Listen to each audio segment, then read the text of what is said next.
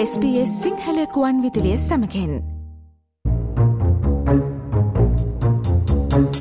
හිමෙන් සැරසෙන කඳුමුදුනක ඉඳන් ටිකක් දුරින් තිබ්බ කුඩා ගමේ ගෙදරක ගිනියුම් ඉස්සරහ මං හිටගෙන හිටියේ දවල් කාලේ වැඩ කරද්දී අධික සීතලට අහුවෙලා ගල් වෙලා තිබ්බ අතපය ආයි යථා තත්ත්වයට ගේන්න.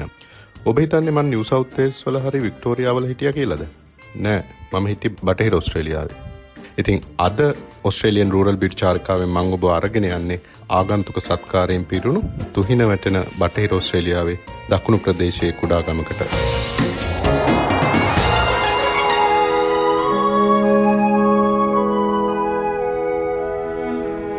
බටහිර ඔස්ට්‍රේලියාව කියන්නේ ඔස්ට්‍රේලියාවේ තියෙන විශාලම ප්‍රාන්තය. ඒ වගේම ඒකේ වැඩි හරියක් භූමිය කාන්තාර. ඒත් මාත් එක්ක ඔස්ට්‍රේලියන් රූරල් බියුටි චාරිකාවට එකතු වෙන අසන්නන් දන්නවා බටහිර ඔස්ට්‍රේලියාව කියන්නේ බොහොම විවිධත්වයෙන් යුක්ත සුන්දර ප්‍රදේශ වලින් පිරුණු ප්‍රාන්තයක් කියලා. ඒ මම ඔබව බටහිර ඔස්ට්‍රේලියාවේ අලංකාර ප්‍රදේශ රාශියකට මේ වෙනකොට චාරිකාවේ අරගෙන ගිහිල්ලා තියෙන නිසා.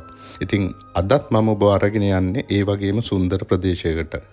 ඒ තමයි බටහිර ඔස්ට්‍රේලියාවේ දකුණෙම තියෙන නොවැංගරප් ආශ්‍රිත ප්‍රදේශයට. නොවැංගරප් තියෙන්නේ බටහිර ඔස්ට්‍රේලියාවේ දකුණම තියෙන ඇල්බනි කියන සුන්දර මුහුදු බඩ නගරයට පැයක් එකහමාරක් විතර උඩින්. දකුණට යන්න යන්න සීතල වැඩි වෙන නිසා නොවැංගරප් කියන්නේත් හරිම සීතල ප්‍රදේශයක්. මම නොවැංගරප් වලට ගියේ පර්ත් නගරයට ගුවන් මගින් ගිහිල්ලා එතනින් තවත් කුඩා ගුවන් යානයක ඇල්බනි නගරයට ගිහිල්ලා එතනින්දන් කුලියට ගත්ත වාහනයක තව පැයකහමාරක් විතර ධාවනය කළා. නොවැංගරප් තියෙන්නේ බටහිර ඔස්ට්‍රේලියාවේ තිරිඟුවවන විශාලම තීරය එහෙම නැත්නම් වීඩ් බෙල්ට් එකේ. ඉතින් නොවැංගරප්වලට යනකොට විශාල තිරිංගියායවල් කැනෝලාවතු තවත් විවිධාකාර ධාන්‍ය වවන භූමි ඒ වගේම තෘණ භූමි පහු කරමී යන්න ඕනේ. ඒක බොහොම සුන්දර අත්දැකීමක්. තිරිඟුව වෙන්නේ සෞම්‍ය සිසිල් දේශගුණයක. ඒ වගේම ගොඩක් සමතල භූමි ප්‍රදේශවල. ඒත් නොවැංගරප්වලට ලං වෙද්දි අපට යන්න වෙනවා ස්ටර්ලින් රේන්ජ් ජාතික වනෝද්‍යානය පිහිටලා තියෙන ස්ටර්ලින් රේජ් කඳු පන්තිය හරහා. ඒ වෙනකොට අපිට ඉතාම අලංකාර භූමි දර්ශන දකින්න හම්බ වෙනවා. මේ ස්ටර්ලින් රේන්ජ් වනෝද්‍යානය ඉතාම අලංකාර ගස්වැල් තියෙන වසන්තයේ වනමල් වලින් පිරුණු භූමි ප්‍රදේශයක්. ඒ වගේම වනාන්තරවල ඇවිදීමට එහෙම නැත්නම් බුෂ් වෝකින් වලට අංක එකේ ප්‍රදේශයක්. ඒ වගේම විවිධාකාර ආවේනික කුරුල්ලන්ගේ රජදහනක්. මේ පැත්තේ ඉන්න බිම්වාසී කුකුලෙක් තරම් වෙන ඔස්ට්‍රේලියානු කුරුල්ලෙක් තමයි මාලි ෆවුල් කියන්නේ. මේ පලාතේ පළවෙනි උරුමකාරයන් වෙච්ච නූංගා ඇබොරිජින් ගෝත්‍රිකයන් ප්‍රදේශයට දාපු නමේ තේරුම තමයි මාලි කුරුල්ලන්ගේ කූඩු තියෙන ප්‍රදේශය කියන එක. මාලි කුරුල්ලන් විශාල කූඩු හැදීමට දක්ෂයි. ඒව හදන්න බිම ගස් උඩ නෙමෙයි. ඒ වගේම උන් ඉතා කුඩා කාලයේදීම පැටවුන් අත්හැරලා දානවා තනියම හැදෙන්න. බටහිර ඔස්ට්‍රේලියාවේ හුඟක් ඇබොරිජින් නම් වලින් හැදෙන්න වෙන ප්‍රදේශවල නම ඉවර වෙන්නේ අප් කියලා. ඒක තේරුම පැත්ත. එහෙම නැත්නම් ප්‍රදේශය. ජෝන් ඩිලප්, නැනප්, නොවැංගරප්, වංගරප් වගේ.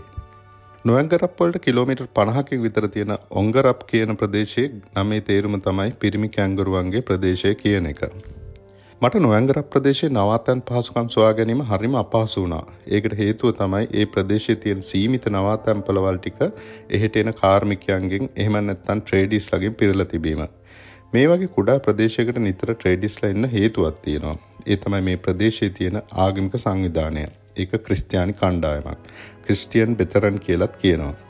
ඒක සාමාන්‍ය ක්‍රිස්තියානි ආගමික සමාජයට වඩා වෙනස්. එහෙම නැත්නම් ඔවුන්ගේම නීති මගින් පාලනය වන ආගමික කණ්ඩායමක්. ඔවුන් යම් යම් දේවල් වලදී අනෙත් පුද්ගලයන්ගෙන් මෙන්ව තමා වැඩ කරන්නේ. උදාහරණයක් විදිහට ඔවුන් තමන්ගේ ආගමික නැඹුරුවට නැති පුද්ගලයන් සමග එක මේසේ වාඩි වෙලා ආහාර ගන්න කියලා තමයි නගරවැසියන් මට කිව්වේ. ඉතින් මේ කණ්ඩායම පාලනය කරන විශාල නිවාසික පාසලක් නොවැංගරප්පල තියෙනවා. ඒ වගේම ඔවුන්ට නගරේ විවිධ ගොඩනැගිලි නිවාස තියෙනවා. ඔවුන් ජීවත් වෙන්නේ වෙනම ප්‍රජාවක් විදිහට. ඔවුන් සාමාන්‍ය ක්‍රිස්තියානි පල්ලියෙන් වෙනස්.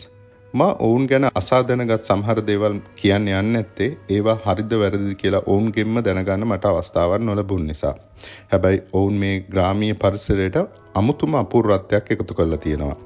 මම ඔස්ට්‍රේලියාවේ රූරල් බීටි වැඩසටහනින් වරින් වර ඔස්ට්‍රේලියාවේ විවිධ ප්‍රදේශවල ඉන්න අපූර්ව ප්‍රජා කොට්ටාශ ගැන තොරතුරු ඔබට ගෙනල්ලා තියෙනවා. ඉඳලා හිටලා ප්‍රාදේශීය ප්‍රදේශවලට යද්දී මේ වගේ ඇදහිලි මත පදරම් වෙච්ච ජන කණ්ඩායමුත් හමු වෙලා තියෙනවා. කොහමරි නොයංගරප්වලට මේ ප්‍රජාව ආශිර්වාදයක් වෙලා තියෙන්නේ. මොකද ඒ ප්‍රදේශයේ ආර්ථිකයට ඔවුන්ගේ ක්‍රියාකාරකම් වලින් ලැබෙන දායකත්වය නිසා. හැබැයි මට නවතින්න තැනක් හොයාගන්න අමාරු වුණෙත් ඒක නිසාම තමයි. කොහොමරි මම නොයංගරප්පල නැවතුනේ ගේක. තලතුණා යුවලක් පාලනය කරන ඒ වගේම ඔවුන් ජීවත් වන නිවසක. ඒකේ කාමර පහක් හයක් තියෙනවා. ඒක ඔවුන් මිලදිගෙන් තිබුණේ ආගමික කණ්ඩායමෙන්. නගර තියෙන එකම රෝඩ් හවුස් එකත් අයිති ඔවුන්ට. සාමාන්‍යයෙන් මම රාජකාරී කටයුතු වලට යනකොට මෙවැනි නවාතැන් පුළුවන් තරම් මගහරිනවා. මොකද නිවසක් ඇතුළේ ඉඳද්දී පෞද්ගලිකත්වය නැති වෙන නිසා. ඒත් මම මේ නැවතුණු ගෙදර මෙච්චර කල් ගිය අනිත් හෝම් ස්ටේ වලට වඩා හුඟක් වෙනස්. ඒ ගෙදර නැවතිලා හිටියේ ගුරුවරියන්, ව්‍යාපෘති කළමනාකරුවන් වගේ නගරේ දීර්ඝකාලීනව වැඩ කරන වෙන ප්‍රදේශවලින් පැමිණි වෘත්තිකයන්. නවතන අයිති යුවලගේ ආගන්තුක සත්කාරය ඉතාම ඉහළයි. හවස අපි වැඩි ඉවරලා ආවහම ගිනි උදුන වටේ වාඩි වෙලා සීතල යවමින් කතා බහ කරනවා. කවුරු හරි අනිත් අයටත් එක්ක තේ හදනවා.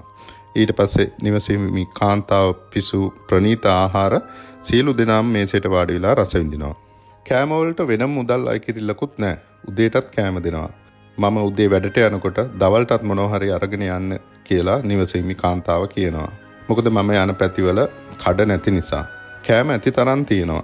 අවශ්‍යයට වයින් වගේ බීම වර්ගත් දෙනවා. ඒ සියලුම දේ දවසකට ඩොලර් 120 වගේ ඉතාම සාධාරණ මුදලකට තමයි ලැබෙන්නේ. ඒ හිටපු දවස් පහේ මම හිටියේ ඒ ගෙදරම කෙනෙක් වගේ. දවසක් මම හවස ගෙදරාවේ ප්‍රමාද වෙලා. මං ආපු ගමන් සියලු දෙනා වට වෙලා මොකද පරක්කු කියලා අහන්න ගත්තා. ඉතින් ඒ නිවස ගත කරපු කාලයත් මට අලුත්ම අත්දැකීමක් එකතු කළා.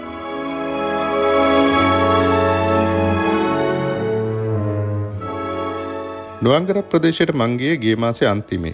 ප්‍රදේශයේ සෑහෙන සීතලක් තිබ්බේ.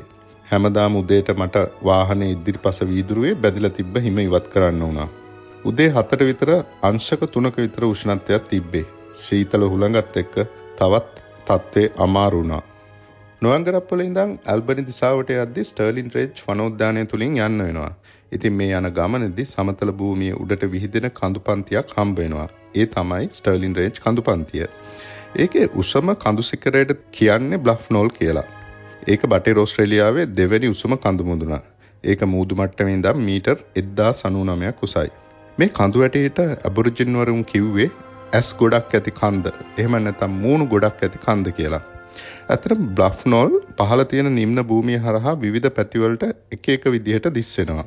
ඒක හරිම අලංකාර කන්දක්. ඒ වගේම වසන්ත කාලයට වනමල් පිපුණු අලංකාර තුරුලිය වලින් බර වුණු ඒ වගේම සමහර කාලවලට උඩම සිකරය හිමෙන් මැසී යන කන්දක්. මේක බටහිර ඔස්ට්‍රේලියාවේ නිතර හිම හැදෙන කඳු මුදුනක් කියලා තමයි හඳුන්වන්නේ.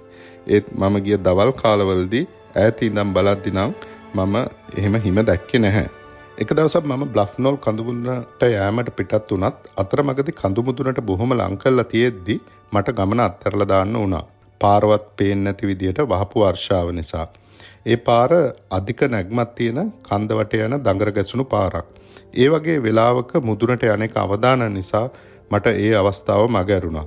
ඒත් කඳු මුදුනට ගියාම ඉතාම ලස්සන භූමි දර්ශනයක් අංශක 360ක් වටේටම බලන්න පුළුවන් කියලා තමයි ගියාව කිව්වේ.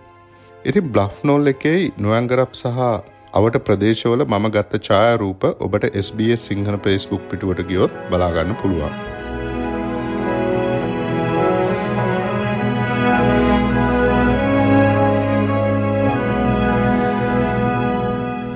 ඉතින් මගේ රාජකාරිය ඉවර වෙලා සිකුරාදා උදේ පාන්දර 5ට විතර මම නොවැංගරප් වලින් පිටත් වුණා ඇල්බනි ගුවන් තොටුපළට එන්න. පර්ත් වලට යන කුඩා ගුවන් යානය අල්ලගන්න තමයි මම එහෙම ගියේ. නවතනේ කාන්තාව සකස් කරලා දුන්න කෝපි එක බඳුනට දාගෙන ඇය දුන්න උදේ කෑමත් ඔතාගෙන පැය දෙකක්ම රිය පදවලා ඇල්බනි ගුවන් තොටුපළට ආවම තමයි දැනගත්තේ පර්ත් වලට යන කුඩා ගුවන් යානය අවලංගු වෙලා කියලා. ඊළඟ සෙන්සුරාදාවත් ගුවන් යානයක් ස්ථිර කරන්න උන්ට හැකියාව තිබ්බේ නැහැ. ඔස්ට්‍රේලියාව පුරාමත් රාජකාරී වැඩවලට යෑමට යන මට දකින්න ලැබෙන දෙයක් තමයි ගුවන් සේවාවල පාරිභෝගික සේවයේ තියෙන පිරිහීම. ඒක පොඩි විශාල හැම ගුවන් සමාගමකටම පොදුයි. විශේෂයෙන්ම කුඩා ගුවන් යානාවල යද්දී මම ට්‍රැවල් ඉන්ෂුරන්ස් එකක් ගන්නවා. පසුගිය වසර 3 වගේ ඇතුළත මට නිතර ගුවන් යානා ප්‍රමාද වීම, ඒක නිසා ඊළඟ ගුවන් යානා මගහැරීම අවලංගුවීම නිසා රාත්‍රී නවතින්න වීමට මූුණ පාන්න වෙලා තියෙනවා. ඒක නිසා ඔබ දුර ප්‍රදේශවලට ගුවන් යාන මගින් යනකොට බොහොම සැලසුම් කරලා තමයි යන්න ඕනේ. ඉතින් මං කලේ ඇල්බනි වල ඉඳන් නැවත කාර් රථයක් කුලියට අරන් තවත් පෑ පහක් විතර ධාවනය කළා පර්ත් ගුවන්තොටුපළට අනේක. ඉතා කුඩා රථයක් වුණත් ඔවුන් ඒකට ඩොලර් 700ක් පමණ අය කරා. ඒ වෙනකොට මගේ පර්ත් ඉඳන් යන ගුවන් යානයත් අවලංගු වෙලා. නැවත ගුවන් යානයක් වෙන් කරගන්නත් වෙලා. ඇත්තටම ඔස්ට්‍රේලියාව ඇතුලේ සංචාරය කරනවට වඩා පිටරට යන එක ලාභ බව තමයි මගේ අත්දැකීම. එහෙමනම් බටහිර ඔස්ට්‍රේලියාව අපූර්ව ප්‍රදේශයකට ගිය ඔස්ට්‍රේලියන් රූරල් බියුටි චාරිකාව මම මෙතනින් නිමා කරනවා. ලබන මාසෙත් අන්තිම සිකුරාදා මෙවැනිම චාරිකාවකින් හමුවෙමු.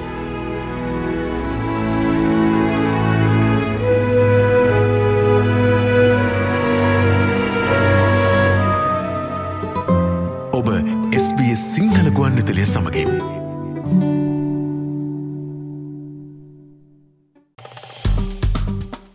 ලයි කරන්න ෂයා කරන්න අදහස් ප්‍රකාශ කරන්න SBS සිංහල ෆස්බුක් පිටුව ෆලෝ කරන්න.